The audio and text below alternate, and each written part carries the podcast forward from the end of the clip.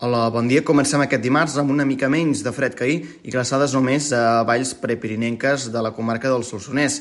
Amb tot avui serà un dia tranquil on els cels mantindran terbolit pel pas de núvols prims i mitjans i a més a més la temperatura quedarà per tant més frenada que ahir al migdia no s'arribarà als 20 graus. Les màximes doncs voltaran els 15 i els 16, una mica més de fresqueta.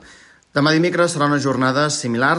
Si bé hi haurà més clariana, seguirem també amb bandes de núvols prims que deixaran el cel enteranyinat i a més a més els termòmetres al migdia sumaran algun grau més, amb màximes entre els 15 i els 17 graus.